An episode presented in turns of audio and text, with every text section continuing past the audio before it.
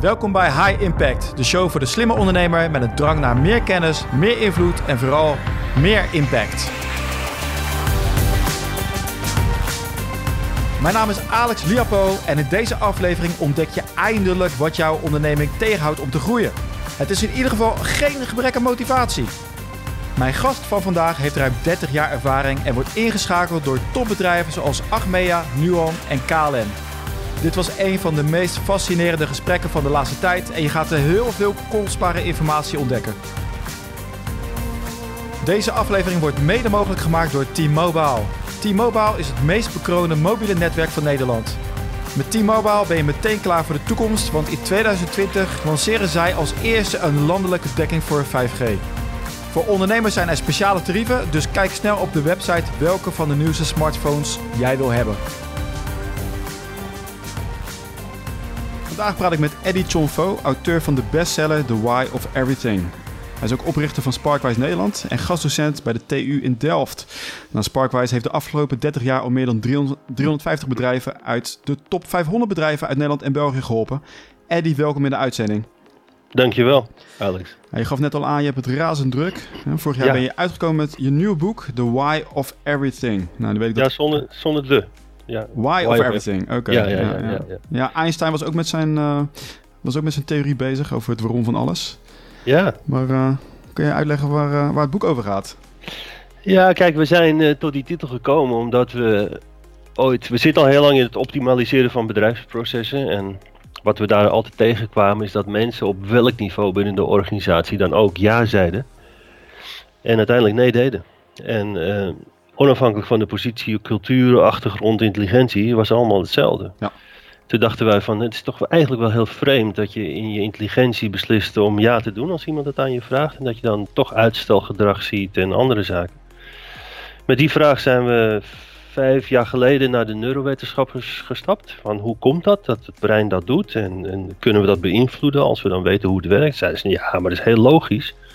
Want het brein dat doet X, Y en Z. En toen legden ze dat uit. En toen zeiden wij, nou maar gek dat we dat dan niet weten. Dat leren we niet op school. We leren niets over onszelf eigenlijk. Nee, dat was eigenlijk de quest om, uh, om te starten met het onderzoek. En toen bleek uh, op 16 januari, nou we zijn bijna weer zover dan is er de Blue Monday. en in Blue Monday zie je dat meer dan 96% van de wereldbevolking hun uh, goede voornemens voor het nieuwe jaar al niet hebben gehaald. Hmm. Van 31 december. En uh, ook, ook, daarin is het fenomeen precies hetzelfde. We zeggen ja en doen nee. Ja. En dat was de reden om een boek te schrijven. Zijn we gewoon lui en koppig? We zijn, uh, ons brein is lui en koppig, dat klopt. En dat koppige dat, uh, heeft voornamelijk te maken met de voorprogrammatie, met een stukje DNA. Dus wij hebben in die hele quest van met die neurowetenschappers en met psychologen en met biologen gesproken. Ook op epigenetica en endocrinologisch niveau, dus waar de hormonen worden gecreëerd. Van hoe komt het nou dat we dat doen en welk deel van het brein beslist dat nou precies? Nou, wat we als mensen doen is we gaan praten op onze intelligentie. Alleen onze intelligentie is niet degene die de primaire beslissingen neemt. En dat wisten wij toen nog niet. En dat hebben door al die onderzoeken zijn we erachter gekomen dat onze primaire beslissingen worden genomen door ons onderbewustzijn. En het onderbewustzijn dat wordt voorgeprogrammeerd in voornamelijk je DNA eh, tijdens de, de, conceptie tot aan de geboorte en van 0 tot 8 jaar. En dan staat zo ongeveer 80% van het raamwerk van ons Homo sapiens staat wel zo ongeveer. En dan gaan we dingen bijleren op basis van die voorprogrammatie. En alles wat daarin geleerd wordt in die eerste 0 tot 8 jaar, dat ziet het brein als een soort pertinente waarheid. Als je daar leert bijvoorbeeld dat God bestaat, ja, dan geloof jij dat God bestaat. Je hebt verder geen bewijs nodig dat hij bestaat, je gelooft het. Maar iemand die daar leert dat God niet bestaat, die gelooft dat het niet bestaat. En doet precies hetzelfde. En die gaat keihard verklaren dat het niet kan. Nou, die twee werelden die staan lijnrecht tegenover elkaar. En eigenlijk, in, als je terugslaat naar de, naar de basis, dat doet het brein precies hetzelfde. Het heeft dus geloof zonder bewijs nodig om te verklaren dat het in zijn gelijk staat. En is bereid om er letterlijk tot aan de dood aan toe voor te vechten om dat gelijk te krijgen. En je had het al over de epigenetica. Dat wil zeggen het gedrag van je voorouders. Dat dat ook al geprogrammeerd is. Hè? Dus in je DNA. Dus dat je daarop voorbeduurt.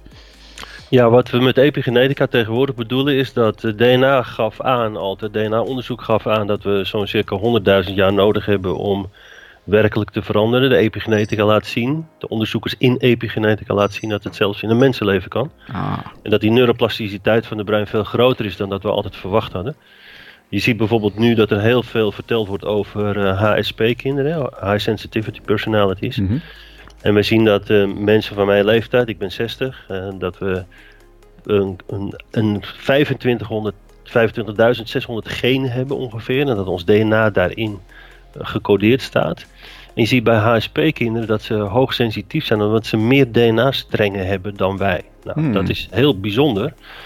Want je zou kunnen zeggen dat over de afgelopen 20 jaar de moeders, die dus veel meer prikkels krijgen door bijvoorbeeld digitalisering, dat die dus al epigenetisch hun kinderen erop voorbereiden dat ze meer prikkels krijgen.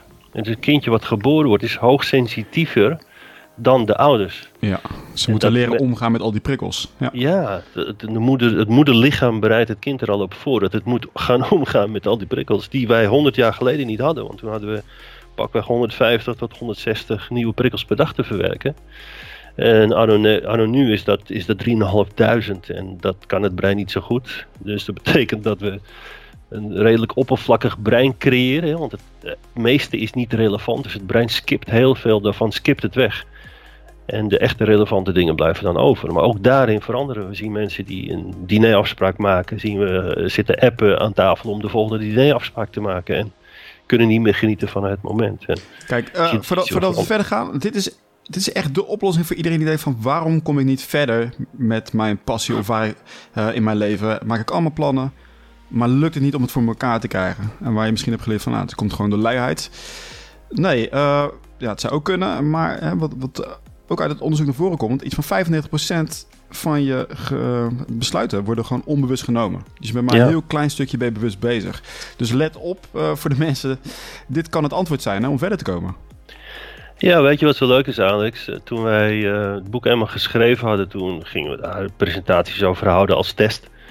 En toen hadden we nog een beetje het gevoel van, nou, we moeten vertellen dat we een soort van succesformule voor succes hebben gebouwd. En we hebben zelfs een, een econometrist erop gezet om dat door te laten rekenen, hoe dat, dat er dan uitziet wiskundig. Net zei iedereen zei tegen ons, ja, maar weet je, succes. Nou, als, je, als dat kan, dan eh, kan je met een dubbeltje de wereld rond.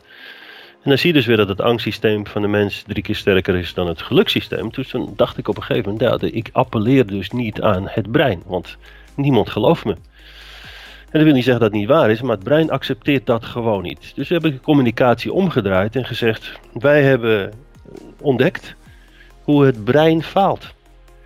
En toen zei iedereen van, oh, maar dat is interessant, hoe werkt dat dan? En dan kan je uitleggen hoe het werkt. En dan is het resultaat is automatisch succes. Ja, vanuit angst.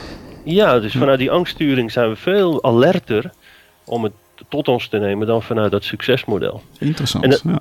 Ja, en daar wil ik nog één opmerking over maken die misschien wel belangrijk is. Is dat wij als mensen geneigd zijn om het gevolg, dus handeling en gedrag, te zien als de oorzaak. En in ons boek propageren wij dat dat de oorzaak niet is, maar dat dat echt het gevolg is. Hè? Als wij ruzie krijgen, dan zegt iemand, gaat bemiddelen en zorgen dat wij geen ruzie meer maken. Maar in onze voorprogrammatie staat dat ik al zo'n mannetje ken als Alex. En Alex kent al zo'n mannetje als Eddie. En we mogen elkaar niet op basis van die voorprogrammatie. Dus we kunnen niet objectief naar elkaar kijken. En dan neem je afstand van elkaar. Dus de oorzaak is DNA en 0 tot 8 jaar in de opvoeding. Oké, dus dit houdt ons tegen. Dus het, het falen? Ja. dit zijn de, hersenen die... ehm, nou ja, wat, is, wat is je uitleg van waarom falen onze hersenen? Waarom helpt dit ons? Nou, falen is een fantastisch systeem, want falen is, is fouten maken en ons hele biologische systeem is erop gericht om fouten te maken. Nou, is dat in onze westerse maatschappij niet acceptabel, want je wordt afgerekend op fouten. Maar als je helemaal gewoon teruggaat naar je babytijd, nou, alles wat je als babytje doet is fout. Dus je leert wat niet goed is, wat niet lekker smaakt, wat niet kan. Je valt duizend keer voordat je kan lopen enzovoort. En het is raar dat wij op dit moment eh, heel vreemd omgaan met het concept fouten. Dus wat wij doen in het bedrijfsleven is zeggen we registreren fouten. Je wordt er niet op afgerekend. En dan gaan we met elkaar bespreken wat die fout voorstelt. En dan gaan we de oplossing zoeken voor de klant. Nou, dan zie je een heel leuk fenomeen. Is dat mensen steeds transparanter worden in het herkennen van die fouten. Maar ook het durven delen van de fouten. Omdat ze er niet op afgerekend worden. En dan zie je dus dan naar de klantzijde toe. dat als je het goed oplost voor die klant, is het laatste wat hij onthoudt. overal worden fouten gemaakt, maar als je het maar netjes oplost, krijg je een ambassadeur. En die klant wordt echt heel tevreden over het feit dat je het netjes voor hem oplost. En hoe, zorg, hoe zorgen jullie ervoor? Hè? Want uh, fouten maken slecht, dat leer je op school. Ja. Dat is een mooi systeem. Uh, die amygdala, amygdala die gaat uh, rinkelen. Van hé, hey, dat is gevaar. Hoe kom je daar doorheen? Hoe zorg je ervoor dat fouten maken wordt gezien als iets goeds? Kijk, we zijn woordgevoelige wezens en um, we hebben een, een, soort van emotionele lading per woord. Als ik het woord fout zeg of het woord chaos gebruik ik wel eens in de, in de sessies. Dan vraag ik aan de mensen, zeg, wat is jullie definitie bij chaos? En dan krijgt 80% zeg, ja, is rommel, is, is chaotisch, is, zonder structuur. En zeg ik, oké, nou het universum is ook zonder structuur, is ook chaos. Hè? We reizen met 700.000 km per uur eh, met onze melkweg door het universum heen. Het is al een wonder dat we niet ergens op een andere melkweg klappen. Is het zo dat als ik het woord anders laat, dat je dan nog steeds negatief naar het woord kan kijken? Laat zeggen dat chaos, hè? dan hebben we het gesprek gehad met de mensen en dan zeggen we van, oké, heb je een negatief gevoel van dit gesprek? Zeggen nee, heel positief, want ik heb er echt van geleerd. Zeg maar, was dit dan gestructureerd? Nee, het was niet gestructureerd. Het was dus eigenlijk chaos, ja. Want jij wist niet wat ik zou vragen en ik wist niet wat jij zou vragen en wat we tegen elkaar zouden zeggen. Het is organisch ontstaan.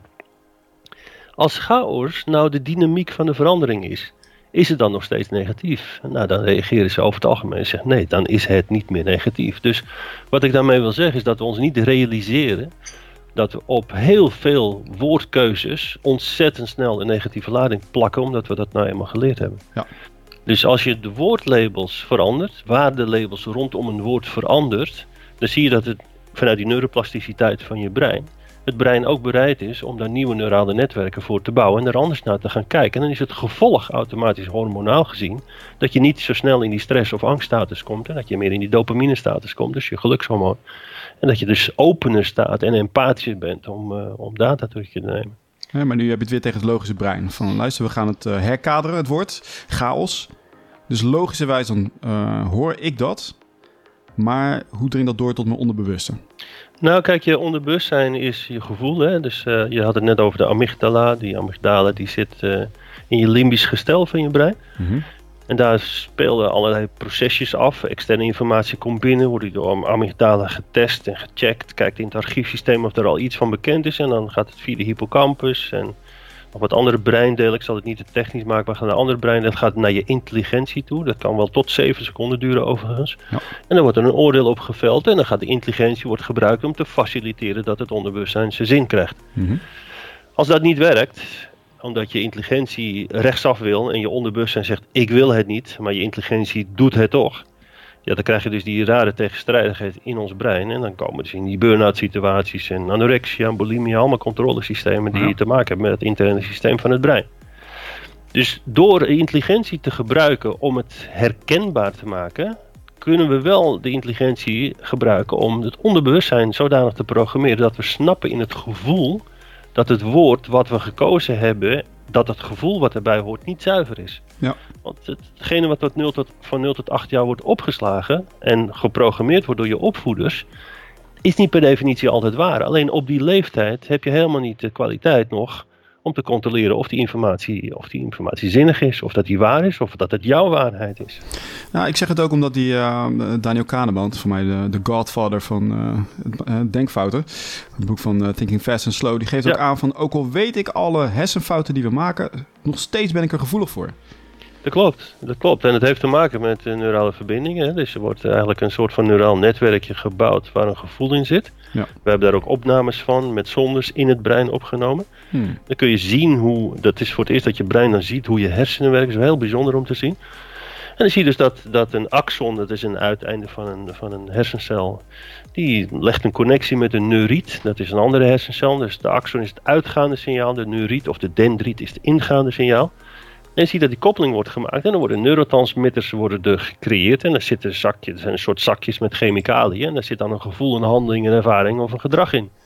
Nou, dat deel van het brein heeft helemaal geen tijdsperceptie of locatieperceptie. Dus 40 jaar later, als je weer denkt aan die situatie, voel je weer blij of weer boos of weer verdrietig. Ja.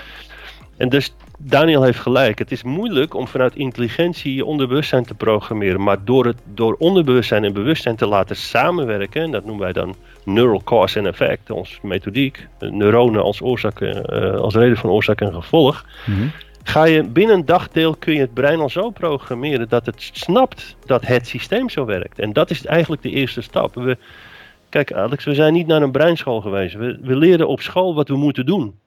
Maar we leren niet wie we zijn. En wat wij doen is mensen leren wie ze werkelijk zijn als biologische eenheid. Als, als wezen, als homo sapiens. Als diersoort homo sapiens zeg ik wel eens. Want we hebben zoveel kenmerken die, die vergelijkbaar zijn met dieren.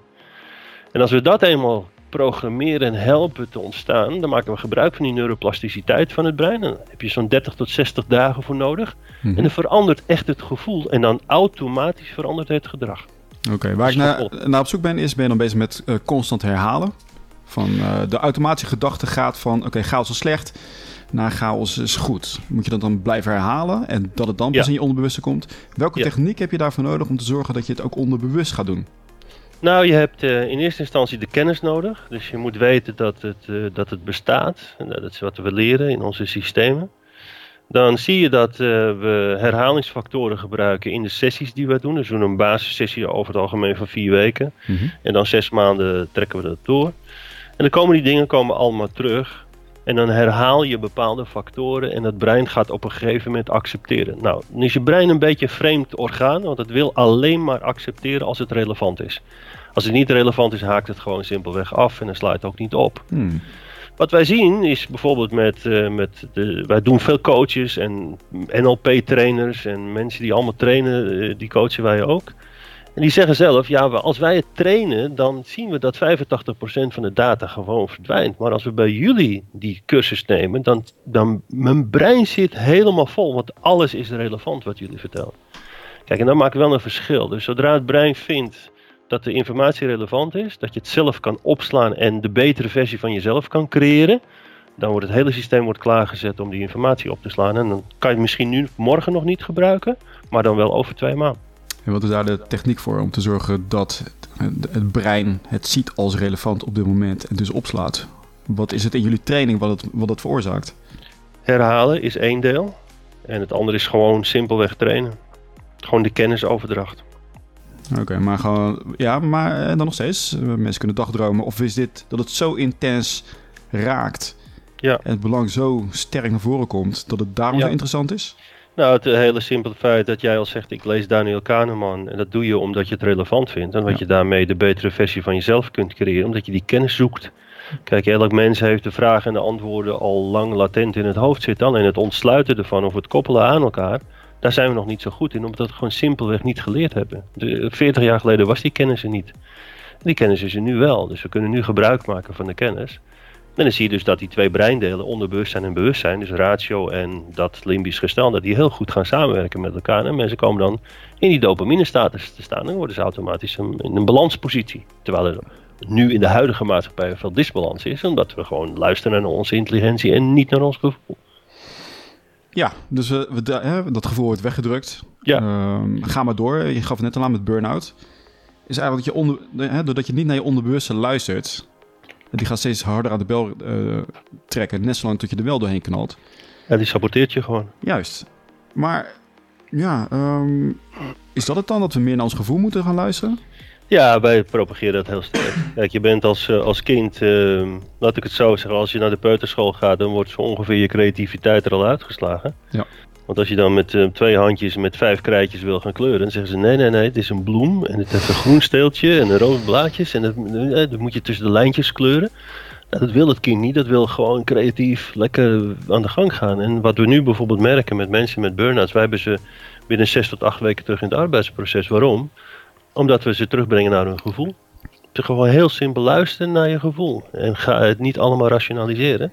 Want als die twee breindelen in strijd komen met elkaar, ja, dan is het alsof er een tijger binnenkomt. Je cortisollevels schieten omhoog. Juist. En het sloopt je gewoon je hele lichaam van voor tot achter. Even de vergelijking, uh, burn-out eruit komen duurt normaal 1 tot 2 jaar. Ja. En jullie doen het in een paar weken door mensen naar hun gevoel te laten luisteren en weer terug te brengen in het nu. Ja, we brengen ze terug naar het nu. En wat we ook vooral doen is niet vertellen wat ze moeten doen of vertellen wat ze niet moeten doen. We geven ze gewoon kennis over het brein. We leggen ze uit hoe dat systeem werkt. Kijk, je brein is een biologisch... We vergelijken het wel eens met een soort van rivier. Het stroomt maar één kant op. Ja. En wat doen we als mensen? We doen ontzettend ons best om tegen die stroom in te zwemmen. Nou, dat lukt ons niet goed. Met alle gevolgen van dien, zoals we maatschappelijk zien. En wij leren hoe je gebruik kunt maken van het biologisch systeem. Dus dan flow je heel rustig met die stroom van die rivier mee. En alles wordt gewoon veel makkelijker. Ja, maar je, je, het is alsof je een auto rijdt, maar dan met de handrem op. Zo, ja, eh. ja, en als je dan de bocht neemt met die handrem, dan schiet je natuurlijk uit. Dan schiet je achterkantje voorbij. Ja, het meest fascinerende vond ik van burn-out dat je in zo'n uh, in zo'n stress, continue stress situatie zit. Van de ja. naam kwijt, parasympathisch systeem wordt dat aangesproken, zoiets was het? Ja, parasympathisch. Kijk, je kijkt, uh, de, bijvoorbeeld cortisol is een stresshormoon. Het is voor, uh, voor het alert zijn en voor heel veel zaken is het heel geschikt. Maar het is niet geschikt om constant aangemaakt te worden door de bijnieren. Want dat sloopt namelijk je lichaam. Het lost bijvoorbeeld het slijmvlies in de darmen op. Nou, dan krijg je dat je flora en fauna die in de darmen uh, hoort, dat die door de darmwand heen, geperforeerde darmwand noemen we dat dan, dat die in het buikvlies terechtkomt. En dat uh, gebeuren allerlei gekke processen. En een van de dingen die er dan ontstaat is dat je micro-ontstekingen krijgt op, door je hele lichaam. Het kunnen wel 200, 300 zijn. Dat, dat tast heel erg je immuunsysteem aan. Als dat immuunsysteem aangetast wordt, ben je bevattelijker voor andere ziektes. Uh, de micro-organismen die kunnen voor, tumoren zorgen. Het is, het is niet te onderschatten uh, stress. Negatief stress moet ik zeggen.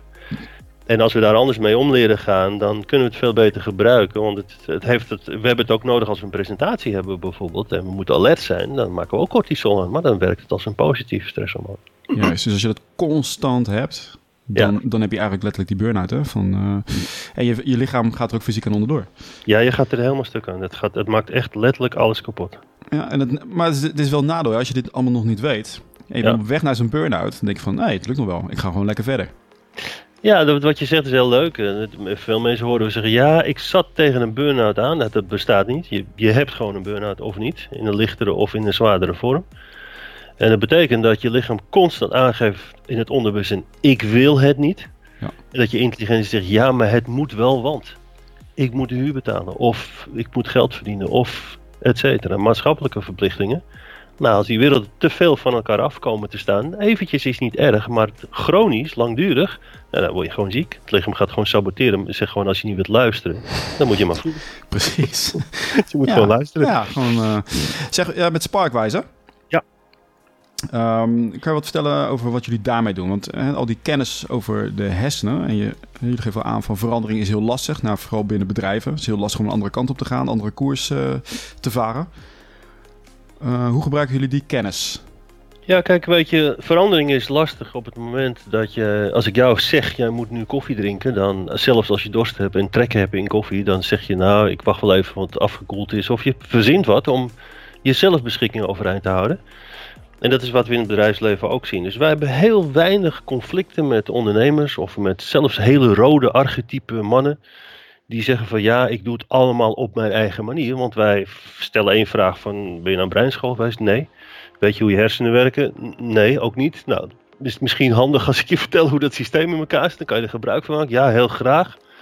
Dus daarin begint dat de veranderingsproces dan op een hele organische, natuurlijke manier.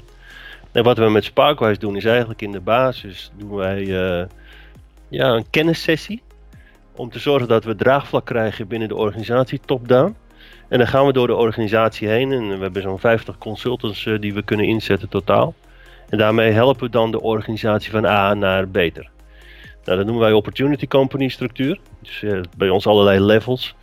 En die levels daarin helpen de organisatie stap voor stap om die volgende, de volgende fase in te gaan. Waarbij je minder conflicten krijgt op de werkvloer. Dat leidinggeven een andere status krijgt. Uh, zoals je al in het begin zei, we zijn gastdocent op de TU in Delft. Dan zie je briljante kinderen zitten daar, die, uh, die ik dan kinderen noem, die 2, 23 jaar zijn, maar ze noemen zichzelf jongvolwassenen. En die tegen de professor zegt, dat zegt u nou wel wat u net zegt, maar ik zit hier net even op mijn telefoon te kijken. Professor Nakamoto in Japan, die zegt heel iets anders, dus wat u zegt is gewoon onzin. Nou, dat fenomeen wat artsen ook meemaken met hun patiënten. En, en, en weet je, de notaris die, uh, die, die, iemand binnenkrijgt met, een, met 13 pagina's. Die zegt, nou ik heb het even nagezocht, maar het is volgens mij anders. Nou, dat fenomeen speelt natuurlijk enorm in de huidige maatschappij. En daar moet je anders mee omgaan. En uh, wij helpen organisaties om daar anders mee om te gaan. Nou, de eerste vraag die bij mij boven kwam is van leuk, zo'n kennissessie. Uh, we gaan iedereen de, dezelfde kant op laten gaan. Maar hoe ga jij nou bijvoorbeeld om met alle onderliggende machtsverhoudingen, onderliggende machtsstructuren? Van posities die uh, mensen, managers of gewoon medewerkers die op posities zitten en die willen die positie zo houden. Dus je hebben alle, um, ja, die willen eigenlijk dat er niks verandert, want dat komt hun machtspositie in gevaar. Ja, dat ben ik met je eens. Kijk, wat je natuurlijk ziet in de huidige maatschappij is dat de veranderingsprocessen sneller opvolgend zijn. Hè. We hadden vroeger, uh, even het voorbeeld van de paardentram. Dat duurde 18 jaar voordat we van paardentram naar elektrische tram zijn gegaan. Dus die man op de Amsterdam, in Amsterdam op de Overtoom, die had 18 jaar om uh, aan te wennen.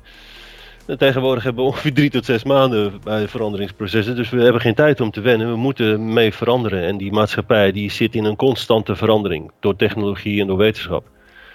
En we zullen dus die stap moeten maken als mensen om meer open te gaan staan voor verandering. Nou, de jongere generatie gaat daar best wel goed mee om. Maar de oudere generatie heeft daar best wel wat moeite mee. En wij helpen ze dus door veel meer uh, het veranderingsproces biochemisch te begrijpen wat er in je hoofd gebeurt. En waarom het in zijn weerstand gaat staan. Uh, omdat het de controle over de verandering kwijt is. En omdat externe factoren meespelen die de verandering laten plaatsvinden. Waardoor je zelfbeschikking weer wordt weggehaald. En het is eigenlijk altijd hetzelfde spelletje. Het maakt niet zoveel uit wat het is. Het brein doet in generiek gewoon hetzelfde. En, trouwens, tussen mannen en vrouwen verschilt dat ook niet. En dat is voor veel mensen nog wel eens nieuws. Uh, we zijn nou eenmaal die diersoort homo sapiens en het functioneel ontwerp van het brein is nagenoeg hetzelfde. Is dan een, uh, een maak je mensen gewoon sterker in, een, ja, in het maken van keuzes, dat ze meer macht hebben over, over zichzelf? Wat wij doen is, is kennisoverdracht. Wat wij doen is eigenlijk in de basis de mensen helpen te begrijpen waarom ze zich voelen zoals ze zich voelen en waarom ze doen zoals ze doen. Dat, dat heeft heel veel implicaties, want aan de ene kant krijg je dan dat mensen zich niet schuldig voelen over als ze boos worden. Want ze snappen nu dat het een biochemisch systeem is, dat boosheid een functie heeft in de natuur. Ja. En dat verdriet een functie heeft in de natuur en angst een functie heeft in de natuur. En dat je dat in de huidige systemen in de maatschappij waar wij, waar wij nu werken, leven en wonen, dat we dat verkeerd inzetten. En dat het niet je schuld is. Dat is ook heel belangrijk, vooral in het mannenwereldje heel belangrijk om te melden altijd van ja, we zien dat je heel dominant bent, maar het is niet je schuld. Het is je brein die gekozen heeft voor die manier. En waarom komt dat nou? Dan leggen we uit hoe dat komt. En dan zie je dat ze milder worden en minder dominant. Echt? Ja. Oké, ja, je bent de alfaman en je wil uh, de beste vrouwtjes hebben. Ja. en dat, ja, inderdaad, ga zo door. Ja, ja, ja. ja, nou ja, wat je ziet is dat die alfamannetjes... Wordt niet milder? nou, kijk, je ziet dat die alfamannetjes op het moment dat ze kiezen voor dat alfa-systeem ze willen de uh, koet te koet willen ze de leider zijn van de groep. Ja. Nou, dan moeten ze ook de capaciteiten hebben om die leider te zijn. En je kan alleen maar leider zijn als degene die geleid worden jou dat gunnen. Als het niet meer gegund wordt, ben je automatisch niet te leiden. Dus je kunt veel beter zorgen dat je de technieken beheerst om mensen in hun individuele kracht te zetten, waardoor je makkelijker met ze door de bühne, eh, over de bühne gaat. En dat je veel minder conflictmodellen hebt. Want als, je eenmaal in, als een mens eenmaal in zijn eigen gelijk gaat staan, dan is het een hels om ze eruit te krijgen. Ja, maar er zijn wel zat mensen die wel die techniek toepassen. Ik noem maar uh, Trump, laat ik maar zo uh, een voorbeeld nemen, noemen. Ja, kijk. Super dominant. Ik vind Trump vind ik een slecht voorbeeld, omdat wij, we wonen niet in Amerika, we kennen hem niet, we hebben nog nooit een broodje met hem gegeten en iedereen heeft een mening over Trump. Ja? ik, ik ken de man niet, weet je. Ik zie wat hij doet en ik zie dat hij dogmatisch aan de voorkant zichzelf presenteert. Maar mhm. misschien aan de achterkant is hij wel heel empathisch. Maar dat zien we niet, want dat past niet binnen het mediawereldje. Dus ik kan er niet zo goed oordeel over vellen. Ja, dat op die manier wel uh, mensen met zich meekrijgt door wel empathisch te zijn. En aan de voorkant zit zichzelf een heel sterk leider. Ja. Dat is het, weet je. Amerikanen willen graag een sterke leider zien, mediatechnisch gezien. Maar op de werkvloer kan het wel heel anders zijn. Kijk, de man heeft een bedrijf opgebouwd, ongeveer een waarde van 3 miljard en weer een nul. En weer eh, en nog een keer. Dus hij, is wel, hij kan wel iets. Ik ben geen voorstander van Trump, niet op de manier waarop hij communiceert. Maar ik kan er geen oordeel over vellen van wie, wat voor mens het is. En ik zie vaak in het bedrijfsleven dat we harde, de hardcore ondernemer, die het alleen maar op zijn eigen manier wil doen, dat hij zo ongeveer iedereen tegen zich in het harnas jaagt. En dan komen ze bij ons terecht en dan zeggen ze, ik heb het nou 25 jaar geprobeerd, het lukt me niet. Wat doe ik niet goed? En dan leggen we het heel simpel uit. En binnen no time is er een andere organisatie. hoe krijg je mensen wel met je mee? Ja, want dat is eigenlijk wat je wil. Je wil. Je wil helemaal niet dat je de hele dag in een conflictmodel zit, want het, is, het geeft onrust. Het maakt je niet echt gelukkig, om het zo maar te noemen. En wat wij proberen te doen is dat, uit te leggen dat er technieken zijn en systemen zijn die biochemisch al plaatsvinden in je hersenen. Als je niet weet hoe dat werkt, dan ga je er tegenin en dan werken ze tegen je. Als je weet hoe het werkt, dan kun je ze gebruiken en dan werken ze voor je. Oké, heb je nog een, een beetje een, eh, een eye-opener, een teaser voor de mensen die hier meer over willen? Van hoe krijg je nou mensen op de werkvloer wel mee?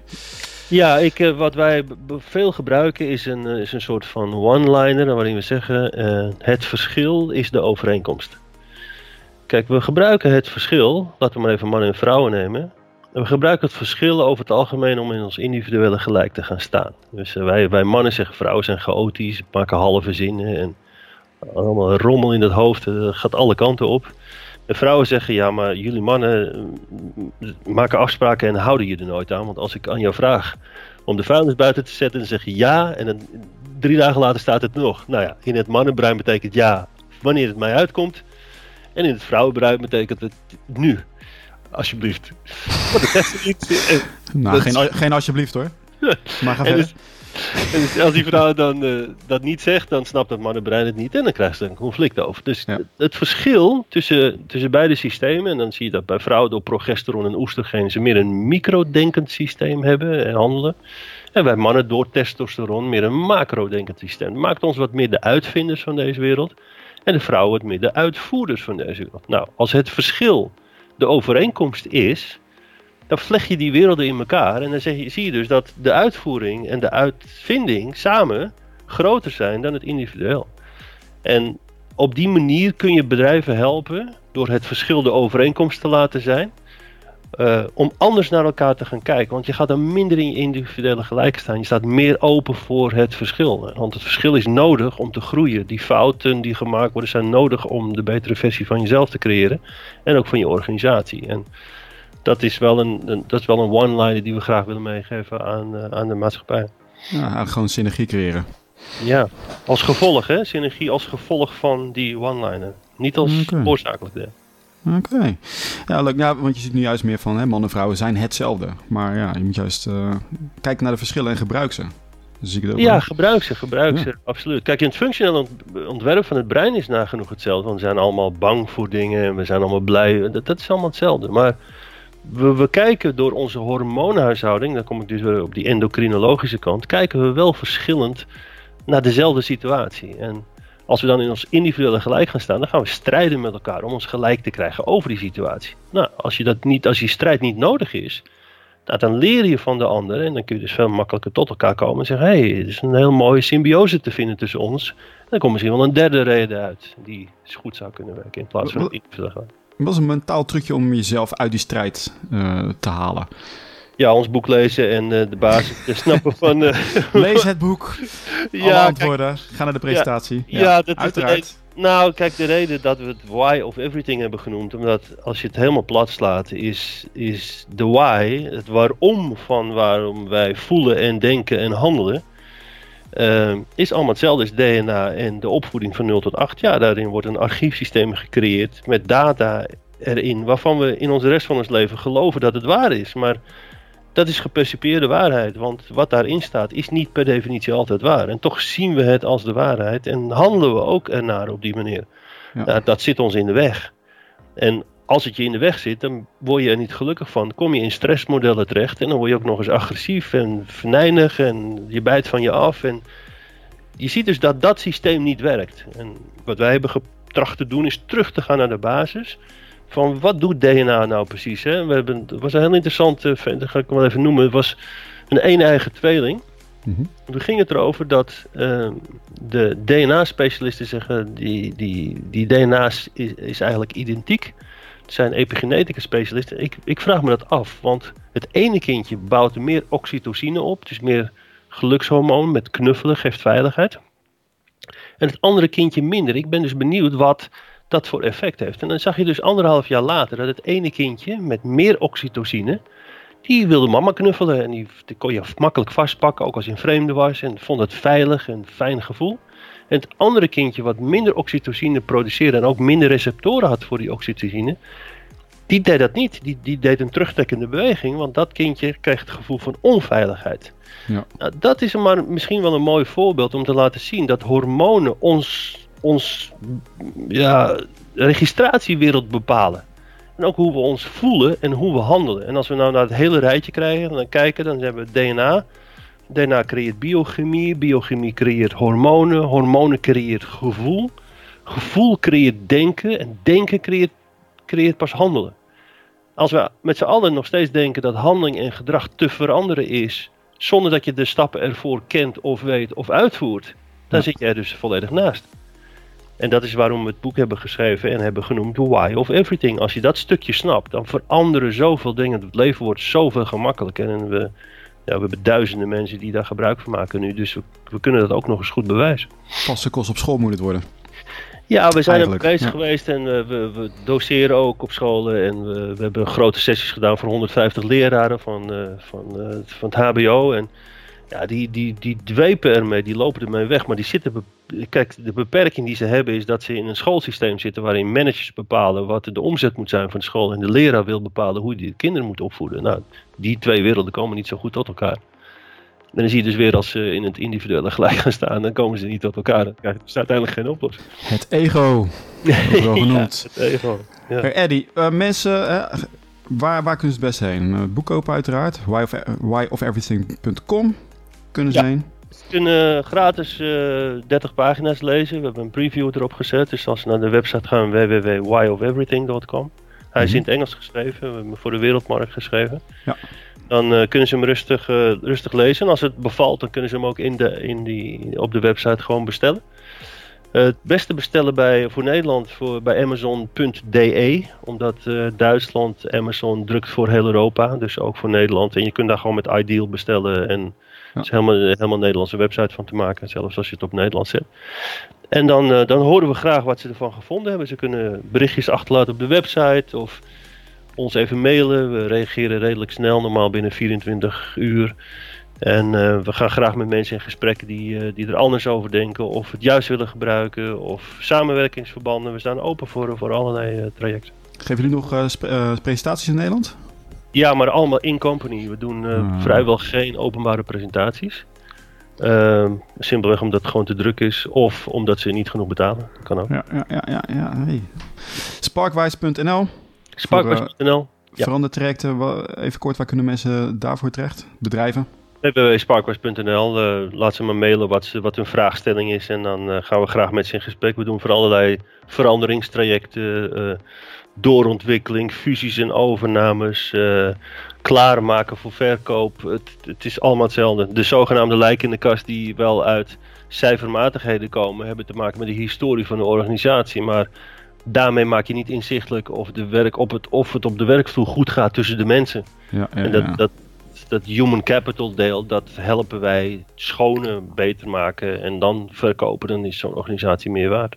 Kijk, Eddie, ik, eh, heel leuk gesprek. We gingen echt heel snel, denk ik, voor de luisteraars. Maar eh, dit is wel een beetje mijn passie ook, hè? Dat merk je wel. Ja, ja, leuk dat je er wat van weet ook. Ja, Eddie, dankjewel. graag gedaan. Deze aflevering wordt ook mede mogelijk gemaakt door Thrive Teams. Thrive Teams is een alles-in-één plugin voor WordPress. Met een paar klikken maak je schitterende, hoogconverterende websites. Je krijgt honderden professionele templates, zodat je geen duizenden euro's hoeft uit te geven aan een websiteontwikkelaar.